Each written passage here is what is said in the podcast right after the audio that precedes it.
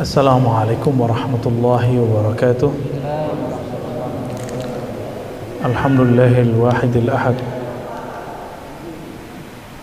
الحمد لله الذي هدانا لهذا وما كنا لنهتدي لولا أن هدانا الله.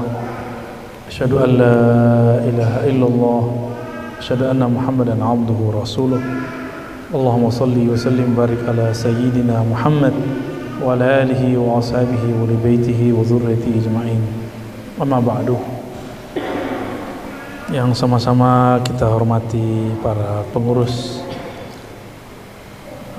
Cafe Rumi ya Terutama sahabat saya Al-Habib Muhsin Yang tidak mau dikenal kehabibannya ya. Ini antum kalau pakai gelar Habib ini pada sul adab semua nih. Taib. Di bulan lalu benar Bib ya? Bulan lalu atau dua bulan lalu? Bulan lalu. Bulan lalu saya menyampaikan tentang usulut tariqah an-Naqsyabandiyah.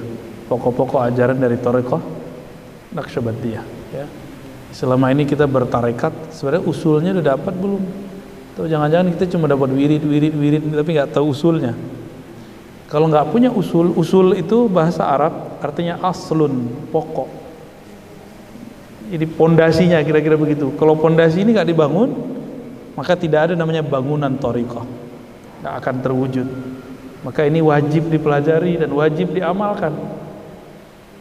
Sebelumnya mari kita kirim dulu Al-Fatihah untuk baginda Nabi Muhammad sallallahu alaihi wasallam kepada silsilah sadah tariqah Naqsyabandiyah Sayyidi Syekh Muhammad Bahauddin Asyah Naqsyaban dan kepada semua murid-murid beliau pengikut-pengikut beliau Al-Mujaddid Sidi Syekh Ahmad Serhindi yang karena beliau disebut Naqsyabandiyah itu Al-Mujaddidi dan kemudian diteruskan oleh murid dari murid-muridnya Syekh Muzhar Jan Janani yang kemudian disebut dengan istilah Muzhariyah ya lalu bercabang kepada Syekh Abdullah Syekh Tajuddin. Dari Syekh Tajuddin ini berkembang cuma yang kita tahu sekarang dengan Torikot Naqsyabandiyah Muzhariyah. Saya lihat di beberapa wilayah di Jawa Timur ada yang mengamalkannya ya. Zikirnya sama cuma kaifiatnya berbeda. Dari jalur Said Abdullah ya nanti berkembanglah kepada Maulana Khalid. Dari Maulana Khalid nanti pecah menjadi banyak cabang.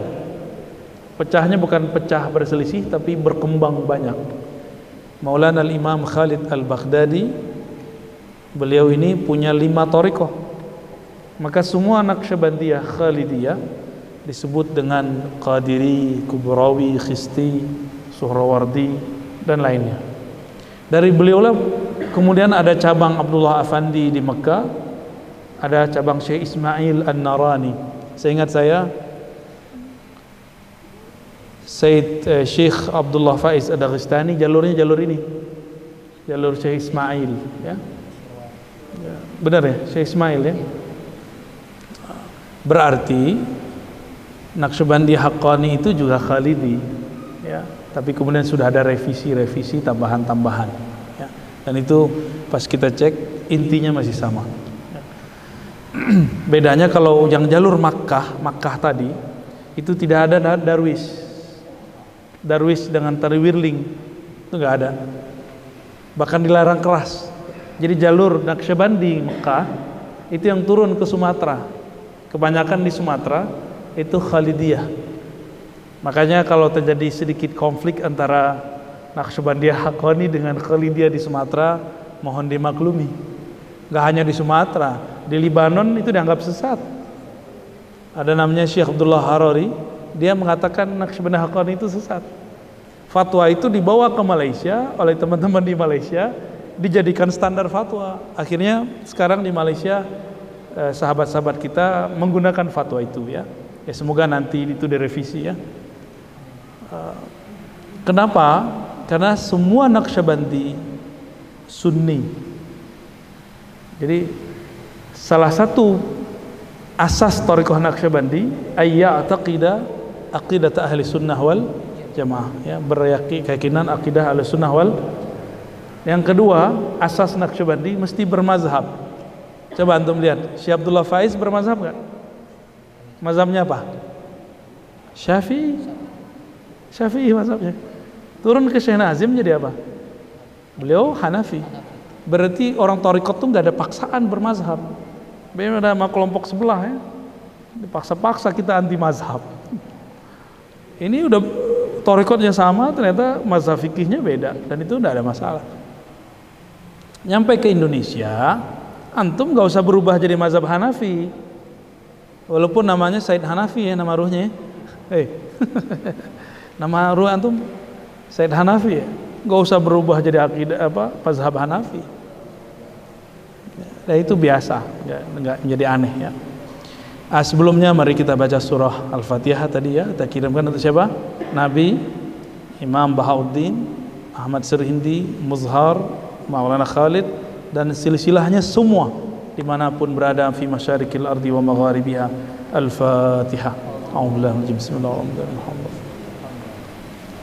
Ya na'budu ya an'amta 'alaihim ghairil maghdubi 'alaihim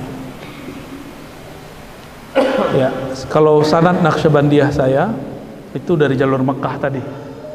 Ya. Jadi saya ngambil dari beberapa syekh nanti nyatu di Syekh Maulana Tahir dan Syekh Ibrahim Kubulan nanti ke atasnya nyambung ke Mekah langsung dari Mekah itu ada Syekh Sulaiman Al-Qarimi dan Syekh Ismail Al-Minangkabawi Al-Makki.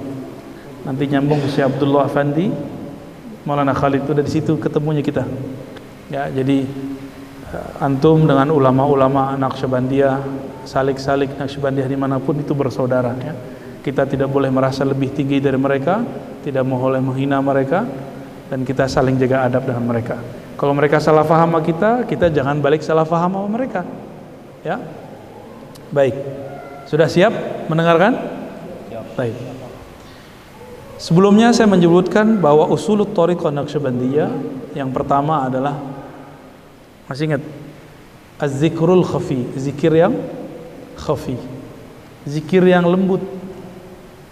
Makanya zikir yang yang antum pakai zikirnya hu Allah, hu Allah dengan menjaharkan itu sudah tambahan. Revisi di zaman sekarang. Kalau yang asalnya itu zikirnya khafi, jadi diam aja. Tapi sebenarnya di silsilah Thariqah Naqsyabandi emang sudah biasa begitu.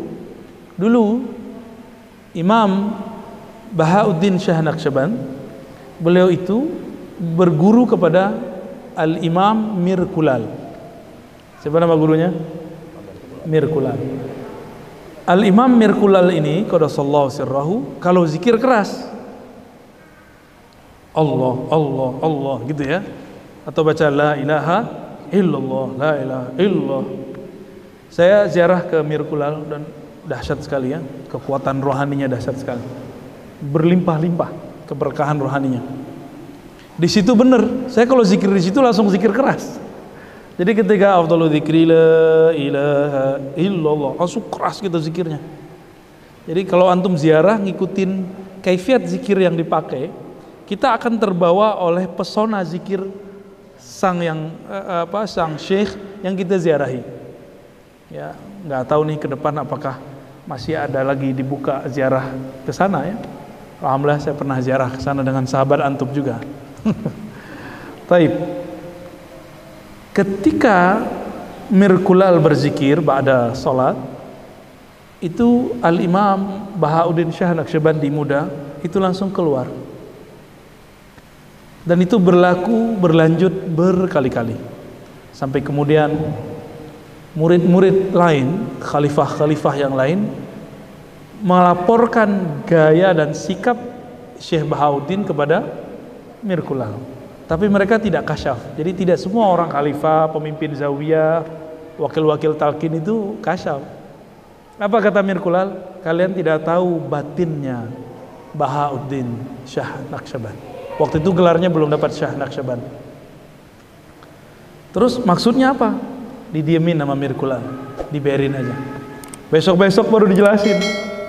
Bahauddin itu dia fana dalam zikir khafi asyik masuk dalam zikir yang hening itu makomnya al-imam Bahauddin Syah Naqsyabandi maka beliau kalau zikir itu mata dipejam lidah dikunci badan dilemesin baru baca Allah di kolbunya pelan pelan. Begitulah terus ya.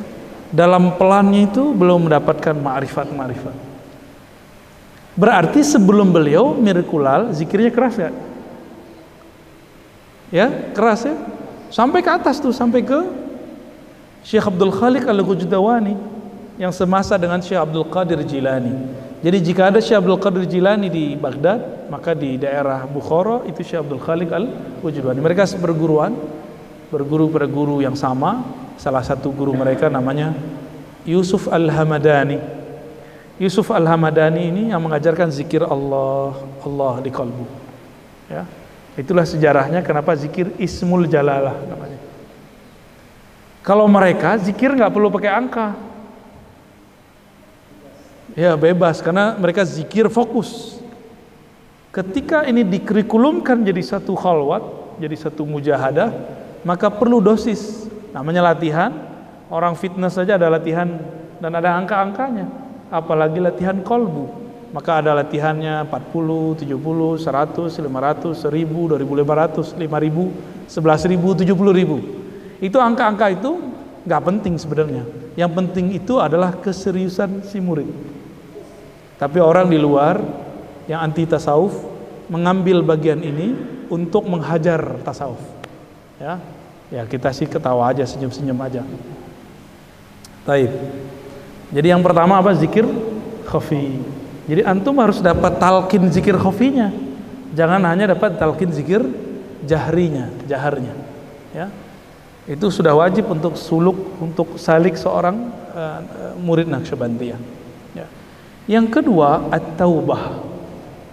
Tobat. Ternyata tobat itu awal dari semua makom.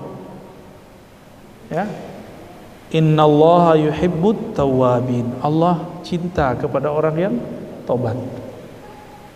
Jadi salah satu dari suluknya Tariqah Naqsyabandiyah adalah suluk istighfar. Kami dulu ditalkinkan istighfar itu, cara beristighfar yang benar. Ya. Ada istighfar zahir, istighfar batin dan itu dibimbing satu persatu. Dan itu nikmatnya bukan main. Kita merontokkan Eh, noda-noda yang ada dalam diri meminta kepada Allah supaya menghapus semua itu itu at-taubah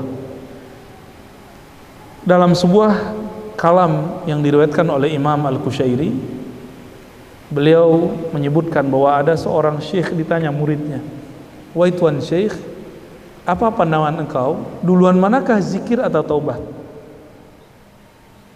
duluan mana ah, taubat ya Coba kita lihat jawaban beliau. Beliau jawabnya pakai majazi.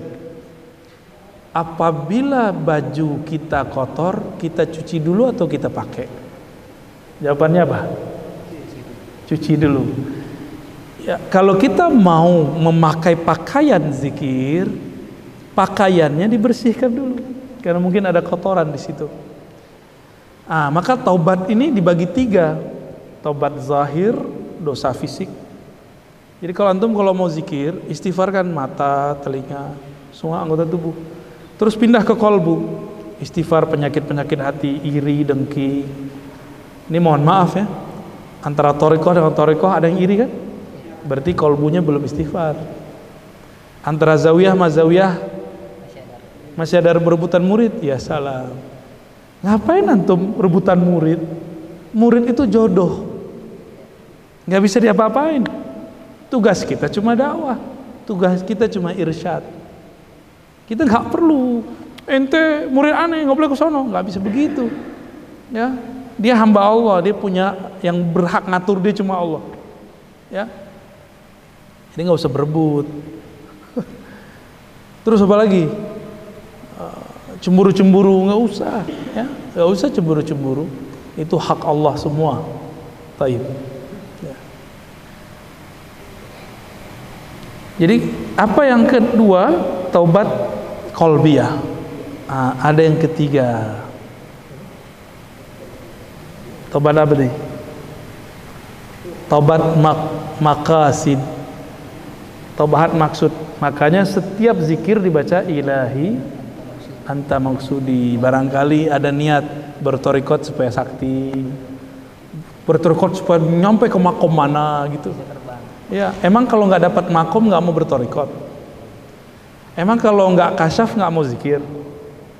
Emang kalau nggak dikasih kesempatan memimpin zawiyah nggak mau lagi zikir sama kita, nggak mau lagi khatam khojakan sama kita, ya nggak mau lagi salawat sama kita, ya berarti masih ada udang di balik tasbih. Bisa jadi kan begitu. Maka teman-teman ikhwah torikoh, torikoh apa saja.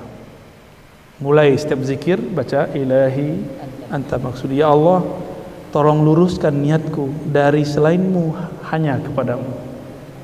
Waridho kama tulubi, hanya ridhomu yang kami cari. Mau zikir enak nggak enak, yang penting zikir. Mau kasyaf nggak kasyaf, yang penting zikir. Ya, nggak penting kasyaf kasyaf alam gaib, yang penting kasyaf aurat. Kita punya aib, aib kita Allah bukakan terhadap diri kita sendiri. Lalu kita melihat aib, itu adalah kasyaf yang sangat tinggi. Karena saya sudah banyak sekali melihat dari dulu, dari kecil saya bertorikoh. Inilah yang membuat gugur seorang calon wali jadi wali Allah. Apa itu? Godaan kashful ghuyub, kashful gaib. Kasyaf melihat yang gaib-gaib. Emang asik. Emang asik ngelihat yang gaib-gaib itu. Ntar ngelihat ada cahaya, tuh wah asik banget itu melihat ada tulisan di jidat, ada nur keluar dari dada, uh asik itu.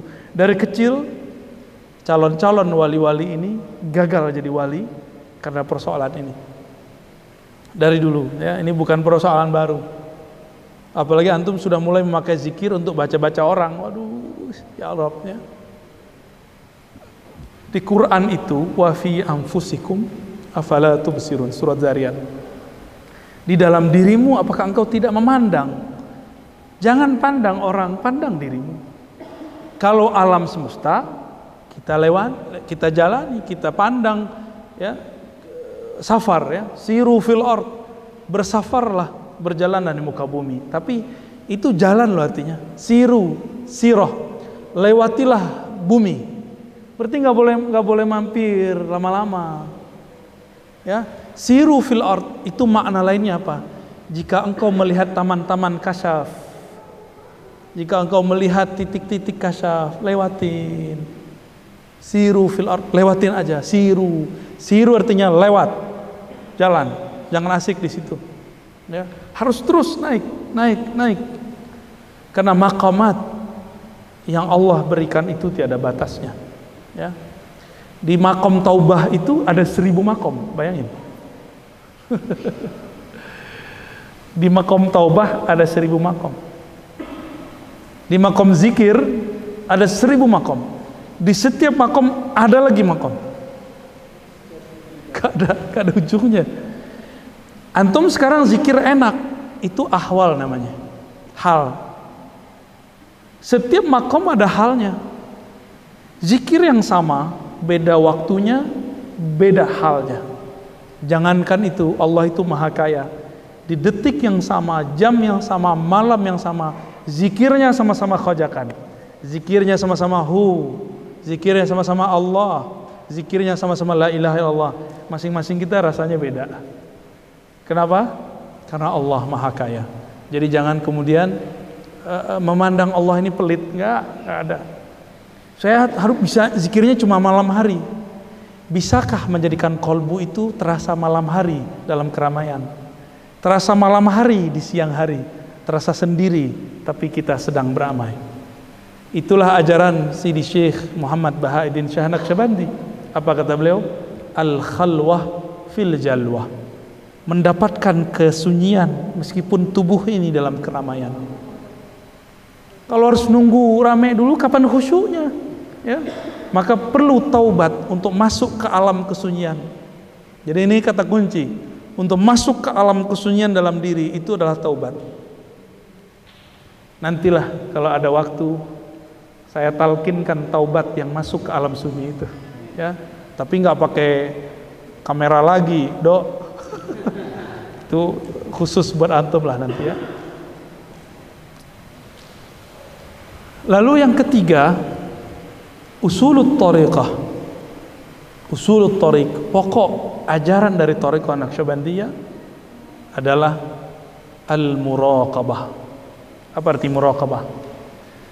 Muraqabah itu intai mengintai hati kepada Allah. Allah yang dipandang fisik kita atau kalbu kita ada sebuah hadis riwayat Imam Bukhari Pak Muslim ya Muslim Inna Allah la yanzuru ila ajsamikum wala ila suwarikum. Allah tidak pandang ke jisimmu, fisikmu. Tidak pula kepada rupamu, penampilanmu. Tapi yang Allah pandang yanzuru ila qulubikum. Allah pandang kalbu. Bagaimana cara menghadirkan rasa dipandang oleh Allah? Ya masukkan dulu namanya supaya Allah memperhatikan kita. Jadi supaya muraqabah ini muncul, suntikkan namanya banyak-banyak. Kalau sudah banyak tuh nama Allah masuk ke dalam kalbu, Allah akan tambah banyak melirik ke situ. Sebenarnya setiap saat Allah melirik, cuma ada dua lirikan, nazratul rahmah, pandangan sayang, ada nazratul ghadab, nazratul i'rad. Allah memandang tapi memalingkan. Allah memandang tapi tidak ridha. Ghadab itu Pilih mana?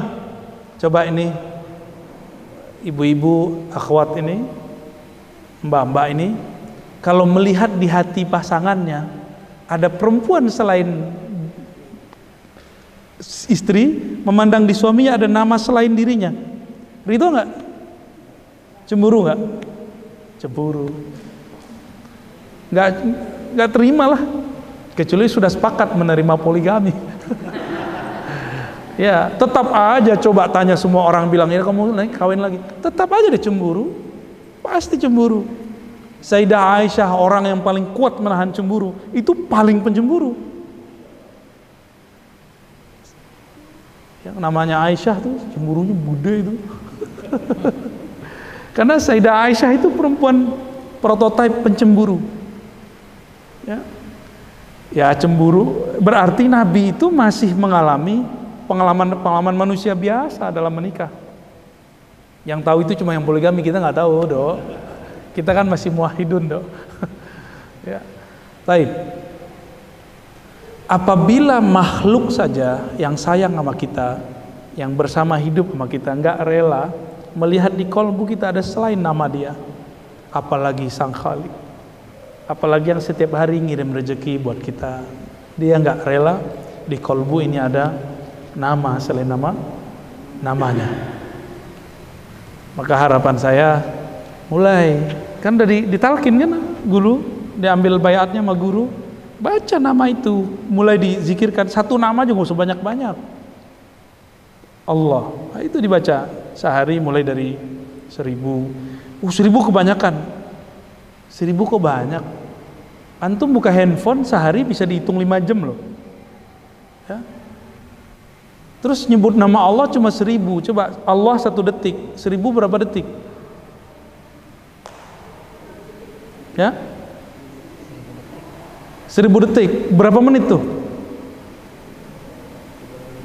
Hah? Seribu bagi enam puluh? Iya. Yeah. Berapa tuh kurangin nolnya? Tuh, katanya 15 menit. Itu kelamaan bagi saya itu. Kelamaan, Pak. Ya, ya anggaplah 15 sampai 20 menit. Cuma karena gak kenal dengan yang punya nama, belum jatuh cinta kepada yang punya nama, baru satu putaran nih, aneh putar nih, mau zikir seribu. Pas baru nyampe seratus, ah, per seratus, kapan seribunya? Maka kalau punya tasbih, tasbih yang 500 atau yang seribu, yang 500 yang saya rekomendasikan. Jadi udah selesai satu putaran, ah satu lagi enak. Itu enak. Berat seribu, ya udah dipecah lima. Setiap ada sholat dua kali putaran tasbih. Emang nggak bisa? Sibuk amat sih hidup. Ya. Emang sih sibuk apa sih kerjaannya? Sibuk amat kerja ya? Adakah orang yang sesibuk itu? Yang ada kita sok sibuk. Ya. Kecuali antum sudah muntahi, udah usul, satu nafas sama kayak 70 ribu. Kualitasnya. Kualitasnya. Bacanya satu nafas, kualitasnya sama kayak 70 ribu. Kenapa? Orang yang sudah wusul, sudah sampai ke hadirat Allah, dia sudah selalu bersama Allah. Maka satu nafasnya sudah bersama dengan yang punya nafas. Sudah bersama dengan yang punya nama. Antum 70 ribu belum tentu merasakan bersamanya. Itu pahamnya ya. Ada orang di luar nyebut-nyebut. Ada orang yang di dalam sekamar sama orang yang disebut. Lebih hebatan mana? Yang bersama. Ya, Kira-kira seperti itu ilustrasinya, ya. Ilustrasinya kira-kira begitu. Jadi mulai coba nanti dari Rumi misalnya, dari majelis Rumi dimulai dibuat bib ada eh, bagian eh, keruhanian enggak?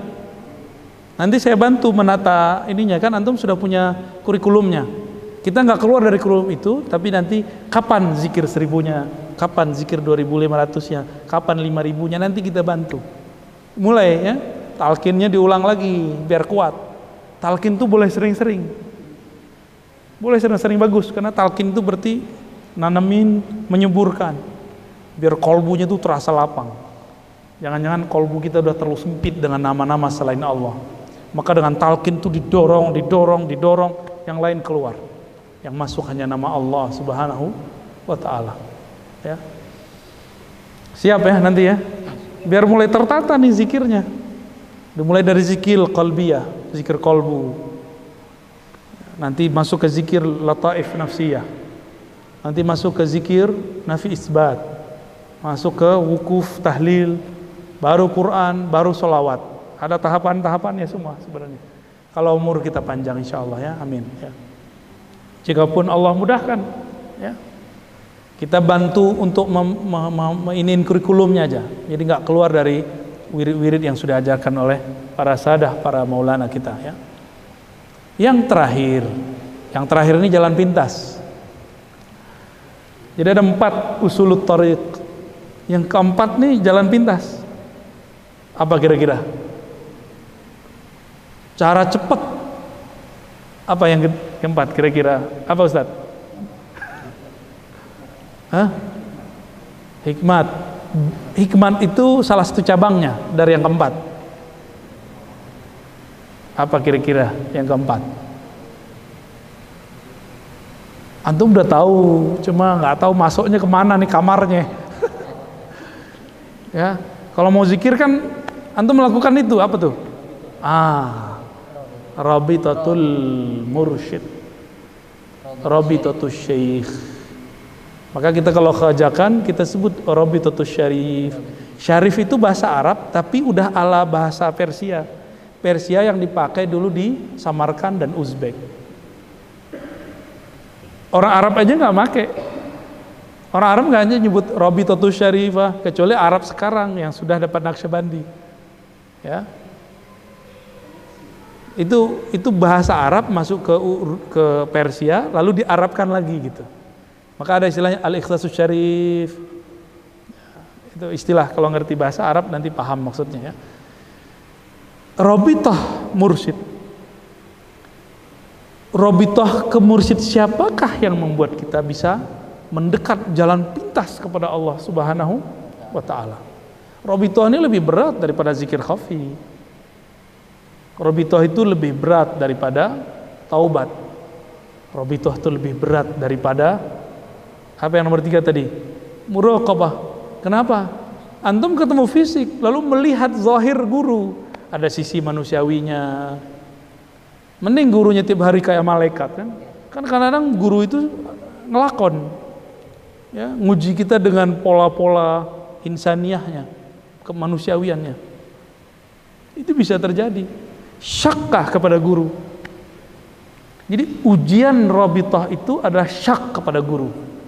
Kalau sudah syak masuk ke bab inkar, oh, gawat itu sudah. Sedikit syak kepada guru, hilanglah semua nur yang tadi antum dapat dalam zikir torikot dan bayat. Hilang habis. Ya. Pernah syak sama guru. Emang dia wali gitu ya. Masa sih dia wali? Antum kira wali itu yang begitu aja? ya. Emang wali itu gimana sih di gunung? Itu bukan wali, itu petapa namanya. Wali itu ada bersama kita, cuma kita sulit percaya masa wali begitu. Ya. Wali itu nggak menang umur, wali itu Allah sudah tentukan pada masa azaliyah. Belum lahir dia udah jadi wali. Cuma diangkatnya mungkin pas umur berapa gitu. Nabi Muhammad ini dari mana ilmunya? Ilmunya dari Nabi Muhammad. Nabi mengatakan, "Kuntu nabiyan wa Adam baina ma'in Aku sudah diangkat jadi nabi. Adam belum dicipta.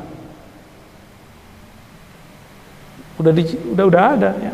Adam, Adam belum ada, nabi sudah jadi nabi. Apa itu namanya? Nabiullah Ahmad. Namanya Ah Ahmad. Tetesan-tetesan nur Muhammad itu, itu yang jadi nabi, itu yang jadi wali. Berarti sebelum dia lahir nurnya udah wali kan? Udah wali dia. Maka kayak Fudail bin Iyad itu kan orang yang suka ini loh. Kalau ada orang lewat terus dia ambil barangnya itu namanya apa? Apa namanya? Perampok. Ya, perampok. Itu Fudail bin Iyad. Tapi chip dalamnya itu wali. Walaupun dia sejahat itu, tapi Allah takdirkan di alam azaliyah, di masa azaliyah, ya, kalau nggak disebut alam di masa pra alam semesta maka dia tetap aja jadi wali. Fudail bin Iyad.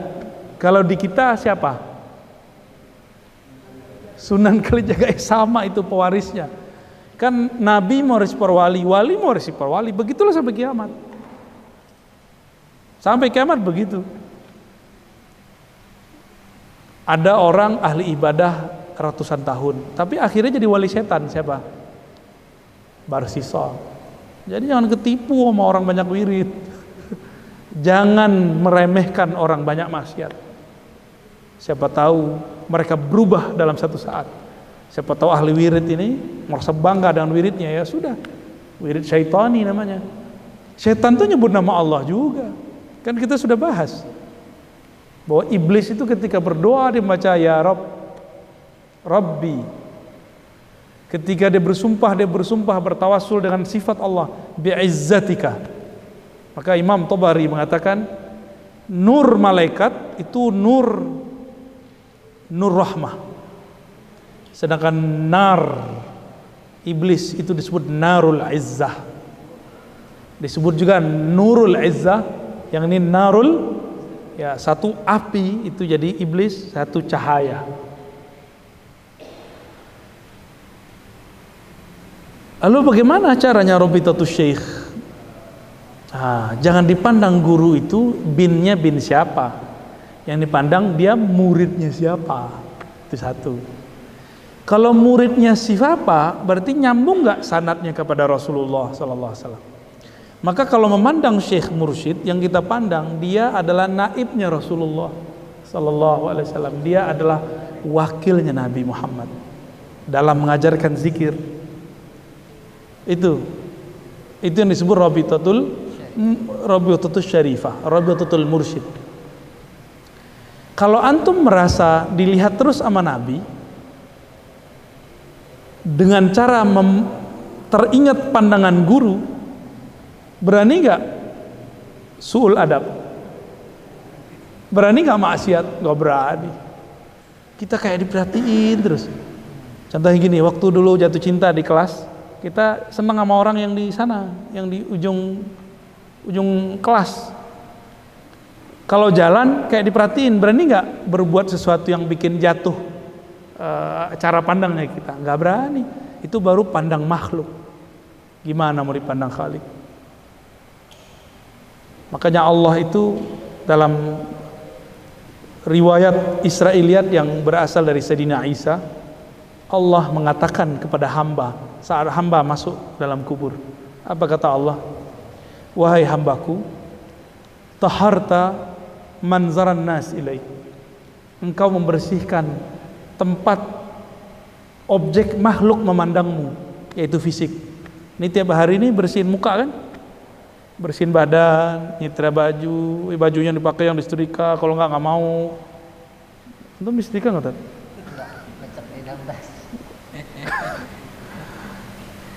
Perlu perlu dibedak, dok ente pakai bedak nggak dok? Pakai, dulu pakai ya. Kalau yang mbak-mbak biasa, kalau pakai bedak kita maklum. Apa? Skincare. Ada Zea ya? Zea. Ente pakai bedak nggak Zea? Oh, enggak ya? Oh dia udah putih dia nggak perlu pakai bedak. Kita biar kelihatan menarik. Kita punya jerawat nih, kita tutupin pakai bedak. Benar? Apa kata Allah? Engkau bersihkan fisikmu yang dipandang oleh makhluk tapi engkau lupa membersihkan kolbumu yang mana aku memandang ke dalamnya. Menjerit itu ruh. Menjerit ruh kalau ditanyain begitu. Mumpung itu belum terjadi, sekarang sering-sering bersihin kolbu dengan zikrullah, dengan taubat kepada Allah. Lalu yang paling gampang apa? Ujian ketika robitoh, menghilangkan syak. Nah, robitoh kepada guru yang paling gampang hikmat Khidmat kepada fisiknya, oh paling berat itu. Berat sekali. Antum menyaksikan sisi manusiawinya. Kuat nggak? Bahwa guru kita ini manusia biasa, tapi batinnya yang luar biasa. Bisa nggak nerima dia biasa? Kalau nggak siap, istikharah lagi, berhenti sohbat, berhenti khidmah. Sohbatnya jangan berhenti, khidmatnya ya. Khidmahnya berhenti dulu kita khidmah dengan cara yang lain. Ya. Apa modal dari khidmat? Modalnya tasdik. Membenarkan guru.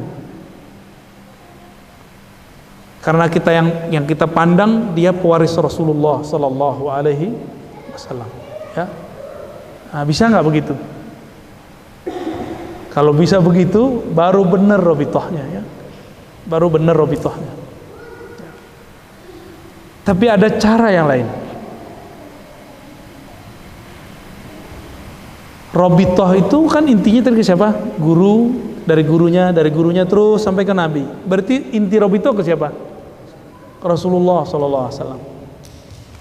Cuma sayangnya kalau belum pernah mimpi ketemu Nabi, belum pernah dikasih kasyaf, muraqabah, ru'yatun Nabi atau muraqabatun Nabi. Ada satu hal yang nggak ditulis di kitab, yaitu muraqabatun Nabi. Nggak ada di kitab Pak. Muraqabah merasa dipandang atau memandang Nabi. Itu ada, ya. Inilah yang disebut oleh Nabi Shallallahu Alaihi Wasallam, ya. Memandang Nabi ingat siapa? Allah. Nabi ditanya, ini dalil Robito, hadisnya sahih. Man Allah. Siapakah wali Allah wahai Rasulullah? Siapakah kasih Allah? Apa jawaban Nabi? Man idza ra'aitahu man idza ru'u zukirullah. Orang yang jika mereka dipandang, dilihat, diingat, divisualkan, membuat ingatanmu, pandanganmu tembus mengingat Allah Subhanahu wa taala. Nah, itu dalil Rabithah. Jadi kenapa perlu Rabithah? Karena itulah cara cepat untuk mengingat Allah Subhanahu wa taala. Jadi tidak benar tuduhan orang di luar bahwa para salikin orang-orang tarekat khususnya Naqsyabandiyah mengingat guru dalam zikir enggak. Mereka sebelum zikir ingat guru benar. Karena zikirnya dari guru. Jadi cara paling gampang biar zikirnya lancar, ingatlah guru. Masalahnya guru antum kan jauh ya, tapi ruhnya kan dekat sebenarnya. Jadi teman-teman yang makan Allah nah ini empat coba dihafalkan. Satu zikir khafi. Dua taubah. Taubat zahir dan batin. Yang yang ketiga apa taubatnya?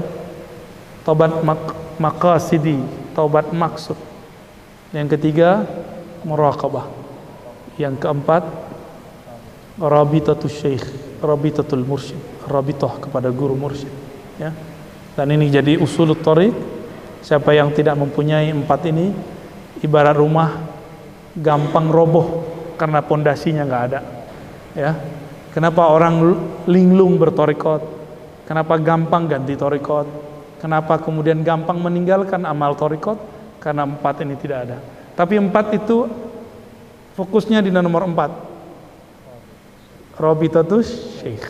Itu yang paling inti. Ya. Semoga bermanfaat. Ya, mohon izin saya nggak bisa ikut zikir karena saya dari siang tadi. Antum belum nyampe sini, aneh udah nyampe sini. Dikerjain Habib Musin. Semoga zikirnya berkah ya. Semoga zikirnya tetap rutin. Siapa pun yang memimpin zikir jangan pandang zahirnya, pandang yang menggerakkan dia, pandang yang berjasa kepadanya, yaitu guru kita, guru kita dari Nabi SAW, Nabi Muhammad dari Allah Subhanahu wa taala. Untuk para sadah silsilah kita, mari kita kirimkan Al-Fatihah. Alhamdulillah bismillah. Iya, saya Ya, tidak usah musafah, langsung zikir. Saya langsung izin pamit ya. Assalamualaikum warahmatullahi wabarakatuh.